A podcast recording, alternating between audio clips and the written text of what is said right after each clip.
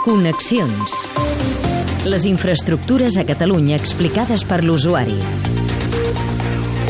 Amb Joan Garcia. Estació Central de Barcelona Sants. Va entrar en servei per fases als anys 70. Té 14 vies, de les quals 6 són d'ample europeu per alta velocitat. Cada dia hi passen un miler de trens d'on baixen i pugen més de 100.000 passatgers. Som a l'estació de Sants, ens hi espera algú que li agrada el món del ferrocarril i que sempre que pot tria el tren per fer eh, desplaçaments especials. És el periodista, comunicador, director de la TDP de Catalunya Ràdio, en Joaquim Maria Puyal.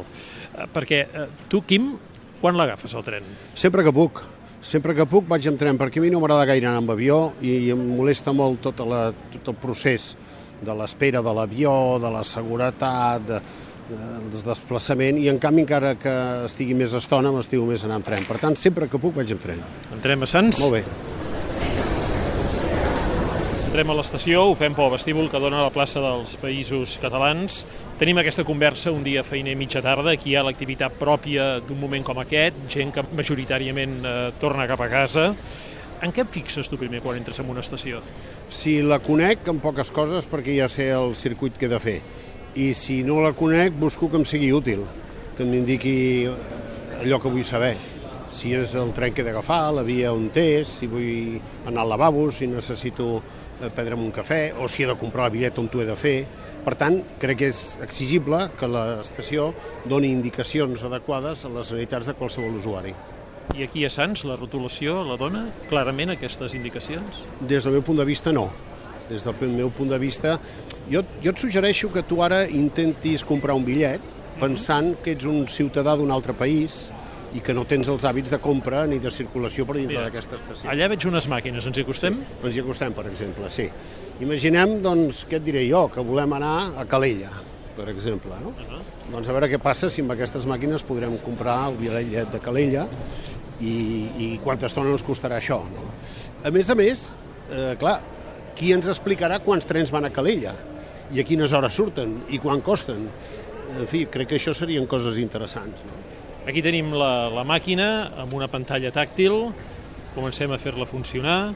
Comprar. Anada. Doncs, eh, vaja, veig, aquí veig que posa Coruña, Albacete, Alicante, Córdoba. Eh, Em sembla que estem a la llarga distància. sí, somos nacionales e internacionales. Eh? Aviam posa, aquí. Posa venda automàtica de bitllets, automatic ticket sales, I després amb un rètol més petit posa aquí AVE avant i llarga distància. i avant què vol dir? Perquè jo, jo soc de fora i no sé què vol dir això d'avant. Són- els trens especials que van per la via d'alta velocitat cap a les capitals catalanes. Però partint de la base que jo sóc un estranger que vol anar a Calella, tot això no, no, no ho sé, jo no vull anar a Calella. Eh, qui, qui em diu on puc comprar un bitllet per anar a Calella? saps? Aquí sota diu, per bitllets de rodalia adreceu-vos a màquina específica. I com sé jo que Calella rodalia? De moment perquè no surt a cap de les destinacions que ens ofereix la màquina. Per tant, aquí no podem comprar Sí, un, la, la tentació, per però, és de preguntar a algú ja, no? Perquè, perquè Va, escolti, som-hi. jo, jo vull anar a Calella. Aleshores, clar, aquí tenim botigues que venen de tot, Sí. però no veiem un lloc d'informació. A veure, anem caminant a veure què trobem. Sí. Imagina que ara per un moment tinguis necessitat d'anar al lavabo. Tu veus des d'aquí un indicador per anar al lavabo? Eh, ara mateix aquí on som no. Veig que ens acostem a, a la línia d'accés als trens d'alta velocitat. Mira, aquí, els, eh, els signes de, dels lavabos, a l'esquerra. Sí, mirem aquí què ens posa. Llegades, arribades, arrivals, sortides... Tot això és llarga distància, eh? Calella no et sortirà aquí. Sí. És clar, jo ja sé què he de fer per anar a Calella, d'agafar un tren que vagi a la línia de Mataró, diguem, no? La Maresme, la la plana, R1, la R1, sí. Però clar, una persona que no ho sàpiga, a a la meva experiència als, als viatges ferroviaris a centre Europa, hi ha uns grans cartipassos en paper a totes les estacions, on hi ha totes les rutes de tots els trens que passen per aquella estació durant tot el dia i accessibles a la consulta de qualsevol persona que és allà. Perdona, lavabo cap allà. Lavabo i un H, que aquí posa... Si ens hi acosteu ho veurem, perquè això, això del disseny està molt bé, però si no ets a, a, a pocs metres de distància... Saps què passa? Que el sostre baixa i el rètol ha de ser petit. Sí. Però sí, ara no, no ho llegim fins que estem a un metre i mig. Sí, ara hem d'anar recte, no?, pel que sembla. Sí. Doncs et deia això, que, que aquests, aquests cartipassos amb totes les amb totes les rutes de tots els trens que passen, amb tots els horaris que passen aquests trens, et permet segmentar molt bé i, i dir, ara entre les 8 i les 9 aquí tinc tots els trens que pararan a Calella o entre les 9 i les 10 o entre les 10 i les 11 o entre les 11 i les 12 i això mm, jo aquí ho trobo a faltar saps? Uh, un altre rètol. Consigna, sortida i taxi. Alto ja han perdut el... Hem perdut... senyal dels lavabos aquí no surt. I aquí anem directament al carrer. Sí. Eh? Uh, aquí ens hem perdut. Eh? Ens hem perdut. Allà hi ha un senyor de seguretat. Li vaig a preguntar, si et sembla. Ah, vinga, aviam. Perdoni, vostè sap on hi ha un lavabo? Lavabo, por ahí. Sí, nada. Gràcies.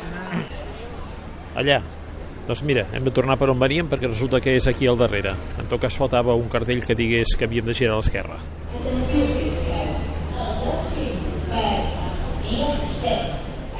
La megafonia, trobes que se sent bé? Uh, en fi, jo, jo no voldria donar la impressió que em queixo de tot. A més a més, vull deixar dit molt clarament que els ferroviaris són dels professionals que tenen una vocació més, més sòbria, més, més, més decidida. La gent que s'estima el tren i, i, el, i el món del ferroviari és un món respectabilíssim i, i jo aprecio molt l'esforç de tota aquesta gent. Però des del punt de vista de l'usuari, i ells on són els responsables, hi ha moltes limitacions.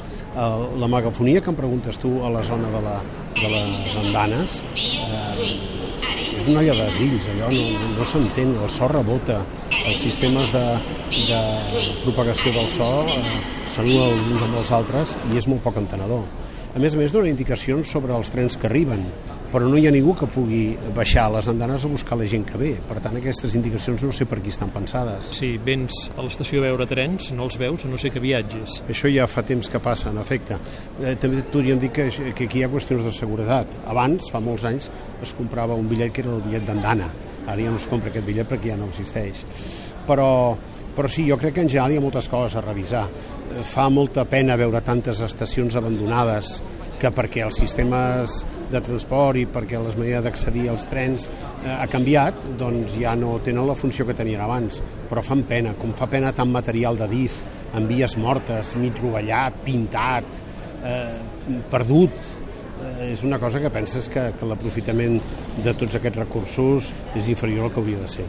Quim, tu que ets un gran usuari del ferrocarril, com diries que el tenim en general aquí a casa nostra comparat amb d'altres països que l'has fet servir? Com sempre dependria dels països amb el que els comparéssim. Si el comparem amb Argentina estem bastant bé, si el comparem amb Centre Europa estem bastant malament. Com que a mi m'agrada sempre mirar els que anem endavant, ja no parlo de països d'Àfrica, eh? doncs eh, jo diria que trobo a faltar previsió. A Europa tu vas amb un tren i has de fer una connexió i és molt probable que trobis eh, al mateix vagó on estàs una indicació de, de quina via trobaràs el tren que has de fer el trànsit que et convé a l'hora que et convé. I els trens seran puntuals i aniran a aquella via. En canvi aquí, això quan diuen la formació del tren eh, la fan pocs minuts abans del, de la sortida del tren i, i mai saps a quina via. En canvi a Europa regularment cada dia, cada setmana, cada mes la via és la mateixa tot sembla que estigui més ben organitzat. Clar que tot això no pot sorprendre gaire quan tenim aquest cildral que tenim en Rodalies que fa que tants i tants usuaris cada dos per tres vegin perjudicat per un servei deficient. Joaquim Maria Puyal, malgrat tot, bon viatge. Igualment, gràcies. Muntatge de so Jordi Galbany. Connexions. Disponible en podcast.